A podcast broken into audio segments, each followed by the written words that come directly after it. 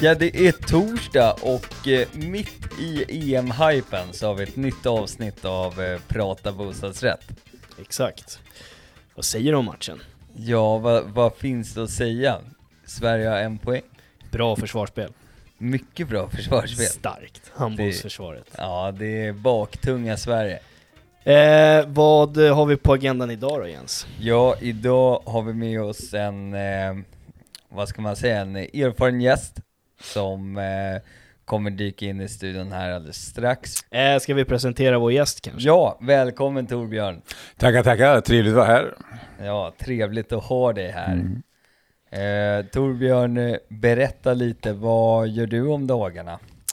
Ja, sedan ett drygt halvår så eh, jobbar jag här som journalist på Borås Forum och eh, skriver diverse reportage och eh, gör lite undersökande journalistik. Och sen eh, börjar jag pyssla lite grann med att eh, producera tv-nyheter också, eller nyheter och rörligt media. Och eh, ja, det kokar och bubblar rätt mycket här. Mm. Vad det gäller nyhetssidan på Borås Forum. Ja, du har ju hållit på med lite tv och sånt tidigare va? Ja, alltså jag började i filmsvängen, tv-svängen slutet på 80-talet. Flyttade till Stockholm i slutet på 80-talet, läste filmvetenskap och gick på något som heter Stockholms filmskola. Och sen körde jag igång och jobbade med film i, ja, i nästan, nästan 30 år innan jag på ålderns höst här nu sadlade om till journalist. Och eh, ja, filmkarriären har varit lite upp och ner men det har handlat om allting från dokumentärer, tv-program till mycket sådär så kallad beställningsfilm och det har handlat allting från eh, Ja, från bröstcancer till absolut vodka och ja, ungefär det täcker in det mesta tror jag. Mm. Mm. Jag tänker att vi kör eh, fem snabba med Tobbe. Vi vill eh, lära känna Tobbe. Tobbe, vart och hur bor du idag? Jag bor i Sollentuna i en villa. På 178 kvadratmeter tror jag har för mig. Eh, ja, där trivs vi bra. Eh, en villa som eh, vi eh, byggde på en tomt som vi köpte för 15 år sedan. Och eh, ja, Hur kom det beslutet till att bygga sitt eget hus? Ja, vi bodde lite trångt. Vi har ju tre barn och eh, vi hade inte riktigt rum till alla kidsen så vi tänkte vi måste skaffa oss någonting större och då var det Sollentuna som gällde eftersom min fru kommer därifrån. Så vi sonerade terrängen, budade på en hel del hus men hittade inget till eller blev överbudade och eh, men så en, en, en relativt sen vinterkväll i november 2004 så var jag och tittade på ett de otaliga husen vi var och kikade på och det var någon slags renoveringsobjekt och jag känner inte så mycket för renovering om jag ska vara ärlig. Så att, ehm, eh, men på vägen ut så såg jag att eh, i snön där så eh, stod det fyra stycken pinnar uppsatta och då frågade jag eh, mäklaren om de tänkte sälja, stycka av tomten. Och, eh, det hade de tänkt göra och då frågade jag bara sådär rakt över disk bara vad, vad de ville ha för den och då sa de 1,6 miljoner och mer eller mindre så, så slog vi till på, på stående fot helt enkelt. Utan egentligen ha några vidare planer på exakt vad vi skulle bygga. Någonting sånt där. Men, men eh, det gick bra. Du, Även om det var en svettig historia att hålla i ett husbygge. Även om jag slog i en enda spik själv så var det svettigt faktiskt. Alltså. ja. Jag har aldrig haft så låg omsättning på mitt eget företag som jag hade det året faktiskt. Nej, det förstår jag. Svettigt eh, beslut att eh, ta lite sådär spontant. Ja, det är, det är rätt märkligt egentligen för att det, jag är inte så jättespontana typ. Men, men, eh, men det var en härlig känsla när man byggde hus faktiskt. Kan, på ett sätt kan jag rekommendera, för jag kommer ihåg när man precis hade byggt, för det var ju sånt där prefabhus och det kom ju på en lastbil så att de smällde upp själva Mm. eh, ja, heter det, stommen relativt snabbt. Och eh, när jag gick in där och bara såg hur huset, det var inga inneväggar, ingenting alltså, men där fasen då fick jag ståpäls alltså. Det var jävligt läckert alltså. Ja. Det var en jävla skön känsla alltså faktiskt. Det här är mitt, det här är vårt liksom. Det här är, och vi liksom fick ju bestämma det allra mesta också va. Det, ja, lite för mycket kanske ibland, men det gick vägen. Mm, så för våra lyssnare här i, i bostadsrätterna som, som börjar tänka på hus, då kanske det kan vara ett alternativ. Köpa Bygga en sitt tomt. eget. Ja. Mm, mm. Kan man anlita Tobbe som projektledare kanske? Nej, jag Ja. tror ett hus räcker för mig. Min, min fru tjatar lite om vi skulle bygga ett till, men, men det blir det inte. Nej, nej. Nej. Ett, ett Jag älskar ändå att frun tjatar om att bygga ett till. Ja, Jo, men hon menar ju helt logiskt att nu har vi för den gjort andra alla- familjen eller? Men nej, men har vi gjort ett hus och vi gjort alla misstag så det kan vi, men nej, nej, nej tack. Nej, du avstår från det. Mm. Ja. Eh, E-tidning eller fysisk tidning? Fysisk tidning alla dagar i veckan. Det finns ingenting som går upp mot känslan att eh, slå upp en kopp kaffe och ta Svenska Dagbladet eller man nu föredrar Dagens Nyheter men, och eh, bläddra på morgonen. Det är ett måste. Visa ord. Punkt slut. Ett måste. Det var, inte, det var inte svårare än så. Nej. Nej. Balkong eller uteplats? Uteplats alla dagar i veckan också. Det, det är faktiskt en av trots allt fördelar. Man kan ju bo på marken när man bor i bostadsrätt också men man har sin egen villa och sin uteplats och eh, syrenen har precis har slagit ut och man bara glider ut där med sin fika eller sitt glas vin så det är ganska oslagbart faktiskt. Använder du uteplatsen flitigt hemma? Oh ja. Sommarhalvåret i alla fall. Mm. Så att, eh, nej, men det är lite projekt på gång nu. Ska vi bygga ett tak över halva också. Min fru har tjatat om det några år nu, så nu har jag blivit tvungen till det. Men jag tycker egentligen inte om att man ska ha tak på altanen. Men Du vill ha öppet? ja, jag vill se, se himlen när jag sitter ute på altanen. Det är någonting jag har funderat på i BRFer, hur det skulle funka att eventuellt glasa in en uteplats. Frågan är om eh, det är samma lag, eh, regler som gäller vid inglasning av balkong då? Ja, Ja. Alltså jag vet inte, det Nej, det kanske är något vi får ta reda på. ja. För jag tänkte att det kan ju vara rätt smutt, får man nästan till ett extra rum, säg att Mm. det är en eh, uteplats på 20 Det- kvadrat. Bra fråga Jens. Mm. Vi lovar att återkomma helt enkelt. Ja. Jag säkert... får återkomma med svar på min egen fråga. Ja, det är bra. Ja, det är... Ja, jag, tror det, är att, jag, tror det, jag tror det är 15 eller 16 kvadratmeters tak som man kan bygga utan bygglov. Och antagligen då glas in också skulle jag tippa. Ja. Jag vet, där. jag vet inte, jag är skeptisk. Mm. ja, Det kanske har med upplåtelseform och sånt att göra också. du är en riktig bajsare, nej, bäsare. Trycker ner allt. Det beror nog på vad styrelsen säger också, har en känsla av. Ja, men det är just det där med upplåtelsen.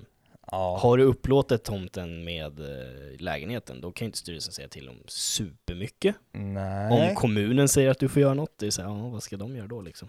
Däremot om, den är, om det är föreningens tomt, då kan det bli tuffare. Då får föreningen neka det mesta. Ja, spännande. Bra fråga. Vi går vidare. Forska vidare. Mm. EM-guld eller Stora Journalistpriset? Ooh, det var en tuffing. Ja. EM-guld. Ja, det är bra. yes! Heja Sverige! Ja, det är bra. Ja. Helt rätt. Mm.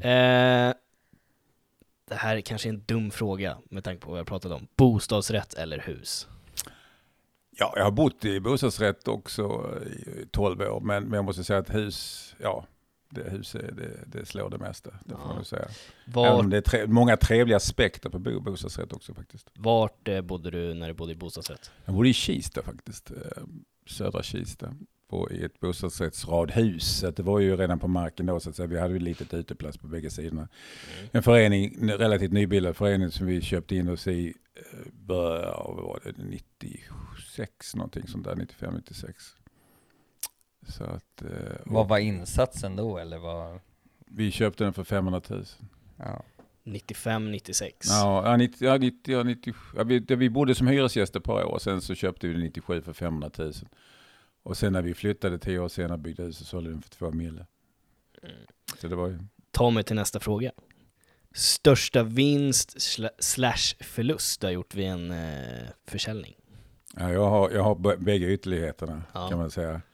Eh, För att eh, första gången jag köpte bostadsrätt var i slutet på 90 eh, 80-talet, eh, 89.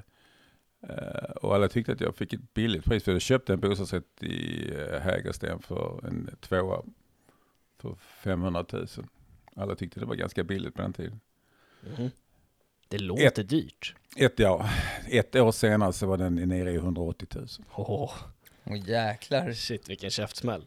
Ja. Vad hände då? Vad gjorde du då? Ja, alltså jag hade ju träffat min, min fru då, eller blivande fru då, så att eh, jag bodde hemma hos henne. Så jag hyrde alltså ut den här bostadsrätten, det får ni inte tala om för myndigheten egentligen, för det var ju första året, första året var olagligt, eller lagligt, men sen var det olagligt i ytterligare sex år.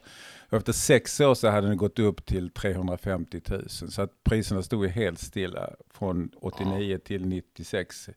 Hände knappt någonting, alltså först gick den ner. Så jag sålde med förlust, ändå med förlust, för jag var tvungen att göra det när vi köpte bostadsrätten sen i Kista. var jag tvungen Mm. att fimpa den så att säga.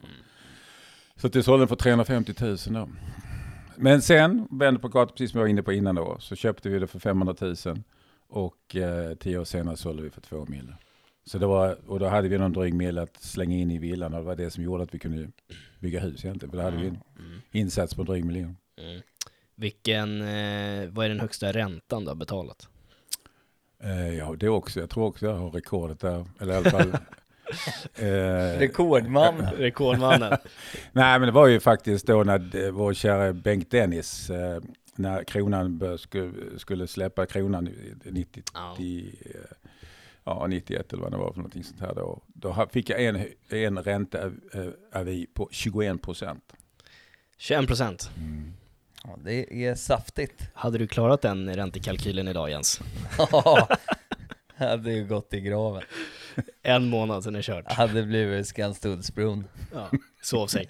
Ja, Ja, det blev nästan mig också faktiskt, om jag ska vara ärlig. För att, men, men normalräntan då på den tiden var ju, jag betalade igenom någonstans mellan 12 och 14 procent i ränta. Ju. Ja. Andra tider. Det var andra Ja. tider. andra tider. Vi var ju inne lite på det om eh, vi skulle beröra det glada 70-talet Det glada 70-talet, just det. Ja. Vad har du för stories från det glada 70-talet? Ja du, det är många historier från det glada 70-talet. Men ni får nästan peppa mig lite grann med frågor för att jag vet inte riktigt var jag ska börja för någonstans. Var, vart alltså. bodde Tobbe på Ja, 70-talet? på, Tobbe, på 70-talet bodde jag i Helsingborg. Helsingborg. Ja, jag började på, jag gick på gymnasiet mellan 74 och 77. Så att eh, 70-talet var mina, mina ungdomsår, mina Mm. slarvår. Flöt över lite där i tidigt 80-tal kanske. Ja, eh, så då stack jag från Helsingborg på slutet på 70. Men eh, sen, eh, men vad ska man börja när man pratar om 70-tal? Det var ju, man, man kallar ju, det var ju slutet av rekordåren, 70-talet Mm. där. När vi smällde upp eh, en herrans massa Just nya fastigheter. Just det, det är fortfarande peak va? Ja, det tror jag. Ja, jag tror också det. I bostadsbyggande. Ja. Mm. Hur eh, såg det ut? Eh, Hur upplevde du det? Eh, Den, eller var det, var det någonting som det snackades om då? Om att bo? Ja. Ja, men byggandet liksom. Miljonprojekten inte. Ja, ja, alltså det, alltså det om man liksom jämför med när jag flyttade till, till Stockholm i slutet på 80-talet, liksom, då, då märkte jag att när jag kom till Stockholm så pratades det om två saker. Boende och lapplisor. Jag hade aldrig pratat om boende och lapplisor i hela mitt liv innan. Liksom. Det har bara varit, var bara en naturlig grej så att säga. Liksom. Det Sam, var, Samma som idag med andra ord. ja. ja faktiskt. Jo men lite grann va, liksom, boendet var, eh, jag menar på min första lä- riktiga lägenhet, då gick man ner till bostadsförmedlingen och sa, har ni några lägenheter idag? Ja, det har du. Vill du ha den eller den eller den? Ja, jag tar den. Och så, Så var det klart sen. Så var det klart sen liksom, så att säga. Fantastiskt. Ja, det var på den tiden det fanns bostäder för unga människor. Men det gör det inte längre, tyvärr. Så när du kom hit till Stockholm, då, då var det bara raka vägen in i en valfri hyresrätt liksom? Nej, det, och då pratade vi andra tider. Men det var lättare även på slutet på 80-talet. Nej, jag såg upp min, eh, min, eh, jag bodde i Växjö på den tiden och flyttade upp till Stockholm 87. Det var det andrahandsboende. Men jag var ihop med en väldigt driftig tjej på den tiden. Hon lyckades tjata sig till att få ett förstahandskontrakt i det huset. Ja, Så det var rätt smidigt. Men sen separerade vi och sen gick jag och köpte den här jävla förbannade bostadsrätten. Alltså. Sen var det Ja. slut på det reguljära liksom. ja, sen var det slut på det roliga. Men du Ja. tog igen det rätt snabbt. Ja, ja, jo då. Sen vände ju det, vände ju lyckan så att säga. Mm, mm. Men eh, vad, vad jobbar du med när du kom hit till Stockholm då? Första jobbet liksom? Ja, första jobbet jag fick, jag pluggade ju som sagt ett tag och sen så började jag på något företag som heter AB Centralfilm som filmmakare. Eller som manusförfattare och producent kan man säga, började jobba som där. Min första film jag gjorde där, det var Dags att deklarera. Jag har gjort många anslagstavlor. Okej. Anslagstavlor var ju faktiskt ett ganska prestigeladdat jobb på den tiden innan reklam-tv och allting sådär riktigt slog igenom så att säga. Mhm. Så jag gjorde mycket för skattemyndigheten och lite alla möjliga håll och kanter på anslagstavlan. Mm. Eh, Så att... eh, Och sen blir det en massa andra saker också. Men om vi går tillbaka till 70-talet, alltså det, det känns ju, i dagens läge känns det ju som att det var eoner sedan, och det börjar ju bli eoner sedan också så att säga, 70-talet. Men eh, det som jag tycker är den stora skillnaden eftersom jag själv har barn nu som är, ja, som är er ålder, eh, att jag upplever den som en betydligt mera sorgfri tid faktiskt. Alltså. Jag tycker dagens kids idag har väldigt mycket som tynger deras axlar på något sätt som inte var Ja. riktigt på 70-talet. Nej. Jag tror det är rätt stor skillnad faktiskt. För att man, eh, det var, där, det var i och för sig det lite gråa jämsossesamhället så att säga. Liksom. Men, men alla hade ungefär lika bra och lika dåligt. På något. Man upplevde på något sätt, det var liksom inga större skillnader så att säga. Och det var ju väldigt homogent och alla hade ungefär samma förutsättningar och hade samma Mm. jeans och samma åsikter. ja, samma, det, var, det, var, det var en annan grej på något sätt. Okomplicerat. Ja, det var Skarp, det. skarp analys. Ja, jo, det var, det var faktiskt Ja. lite mer okomplicerat. Eh, sen var det lite, lite baksmällare på 70-talet från det riktigt glada 60-talet kanske om man ska säga. Liksom. Jag kommer ihåg min första, jag hade en motorcykel, jag fick till och med ett sånt här ransoneringskort för olje, när det var oljekrisen 73. 73, 74, då kom ju oljekrisen, då fick man en ransonering. Jag hade en gammal silverpila motorcykel när jag var 16. Så jag fick ett litet ransoneringskort. Men jag hann aldrig använda det för oljelagren blev överfulla direkt. För det var ju bara liksom fejk den här oljekrisen egentligen. Men, eh. Intressant. Ja. En fejkad oljekris. ja, det tog bara några månader liksom, så jag hann aldrig använda det här ransoneringskortet faktiskt. Men, det, eh, det skulle man ju vilja se idag. Mm. Du skulle ha kvar det. ja, Det hade varit coolt att se. Ja, Jo, faktiskt. Jo, han fick det för ett litet klippkort som lite fast där som hade under, under kriget så att säga. hittar, du, hittar du det i någon låda så plåtar vi det och slänger upp på sociala medierna. Mm. Eh, vi, jag tänkte vi ska kliva in lite på någon sak som du har skrivit om och djupdykt lite om här senaste tiden. Ah, ja, ja, Men okej. först skulle jag vilja fråga, Tobbe, hur kommer det sig att du tyckte att det lät spännande att börja jobba som journalist på vårt forum och eh, nischa in dig mot BRF-världen? Ja, eh, jag har ju kört på all oändlighet så att säga med film och de här grejerna och kört egen låda, kört eget företag i 30 år. Så att, eh, och nu så kom ju corona, då blev det ju rätt mycket som ställdes på sin spets eller ställdes på, på, ända så att säga. Och då började jag titta mig runt på lite olika möjligheter och tänkte fan man kanske skulle hitta någon form av eh, att bli lite löneslav igen. Det var ju Mm. länge sedan sist så att säga. Så att säga. Och, eh, journalist är egentligen någonting som jag har varit inne på under min karriär också kan man säga. Liksom jobbat undersökande jobbat här. Och, eh, det var även ett yrke som jag rätt tidigt faktiskt var intresserad av i tonåren faktiskt. Eh, så att det var inte helt... Eh, sen, sen var det lite oväntat för att man är gammal och lite smått over the hill som jag är så hade jag väl inga större förväntningar egentligen på att jag skulle få ett jobb. Men, eh, men här på Borås Forum så tittar man ju inte på åldern utan man tittar ju på kompetensen och där har jag fortfarande ett annat ge, Mm. upplever jag i alla fall. Så att säga. Så att, sen att det är borätt, det var nog mer en, en slump så att säga. Och jag måste i ärlighetens namn säga att för, först så kände jag så här, okej, kanske inte sexigaste planeten med borätter. Men efterhand som jag jobbat mig in i, i, i ämnet alltså, så finns det ju så mycket. Och så mycket aspekter på det och intressanta uppslag och undersökande journalistik. Och samtidigt så- är det ju, han pratar vi också om det kanske är den mest centrala grejen människor har i sitt liv. va? Det är ju boendet. Va?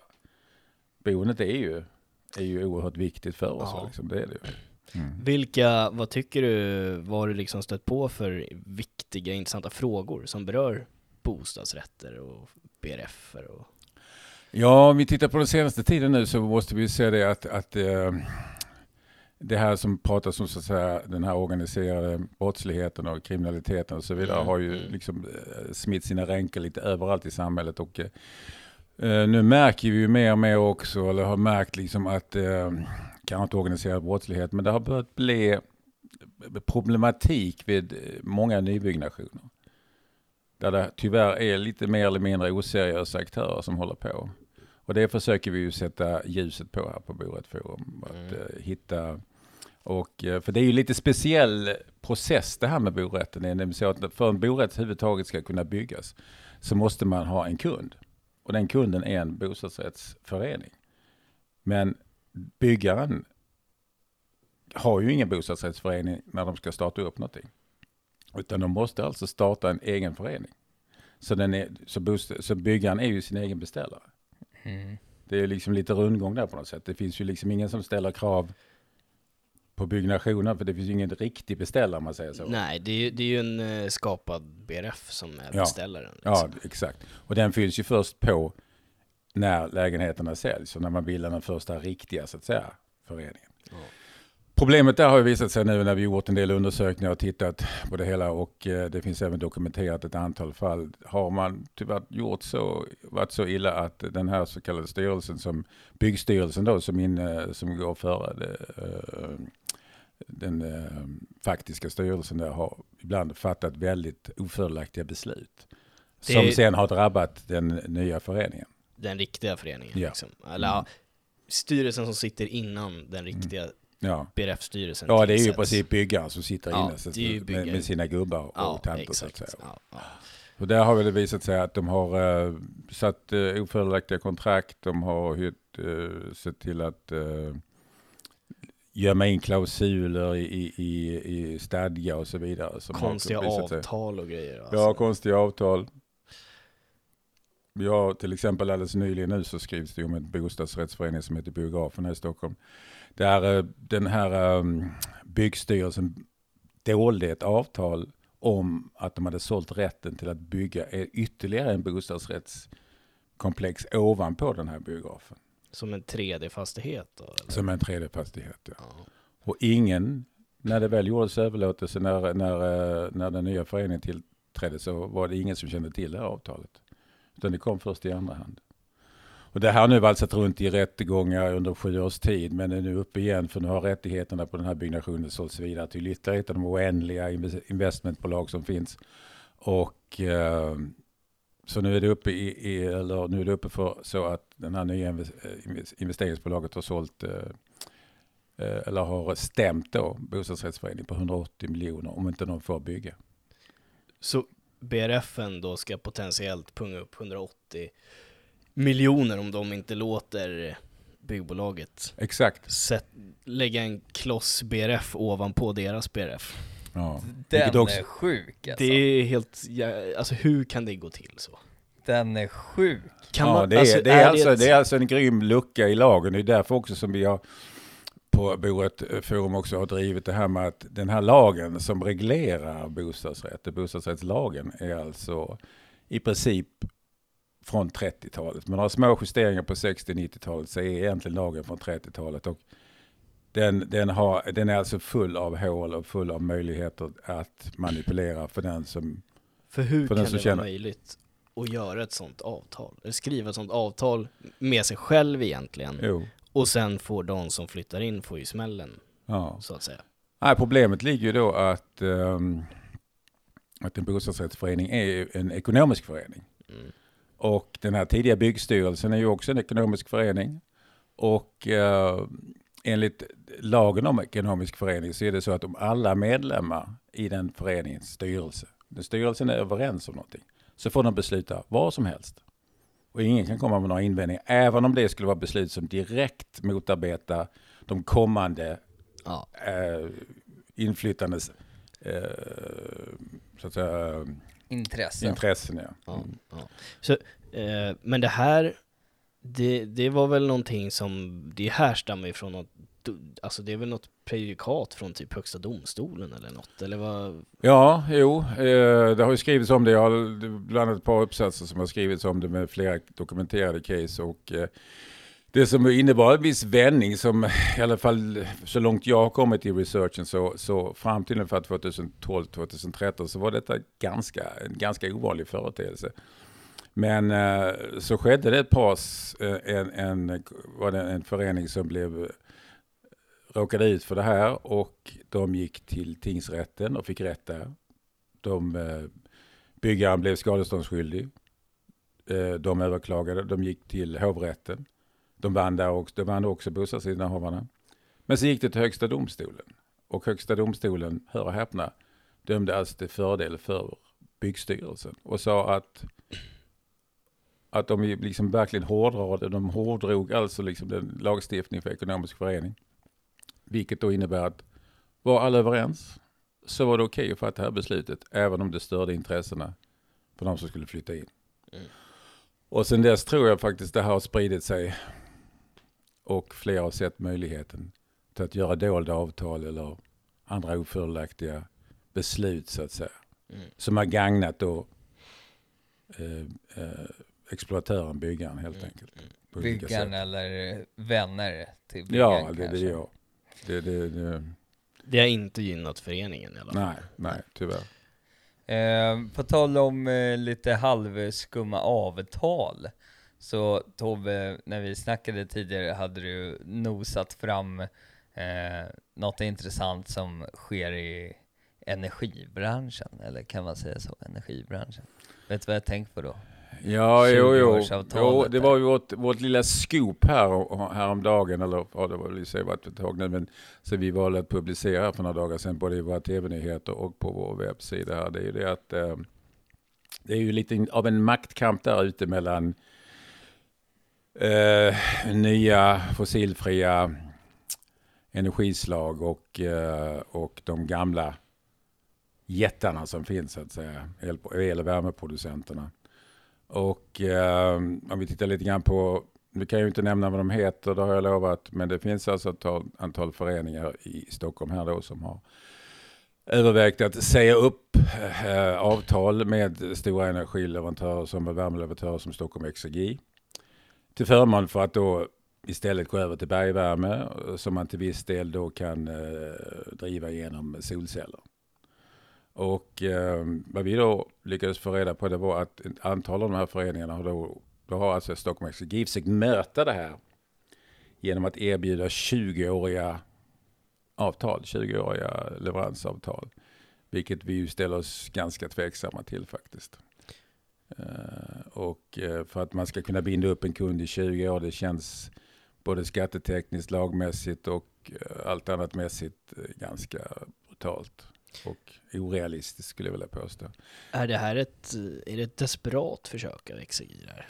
Ja, det får du väl nästan fråga dem om så att säga. Men, men jag tycker ju nog att det känns som att man har slut på kreativiteten lite grann och försöker ja, försöker låsa upp kunderna helt enkelt. För att man kryddar ju även med det här med, med en rejäl rabatt också på, på, Mm. på priserna så att Det, säga. det är ju det som blir det intressanta i det här, att det, Mm. de får nya avtalsförslag, jättelånga, Mm. som dessutom är kraftigt rabatterade. Mm, mm.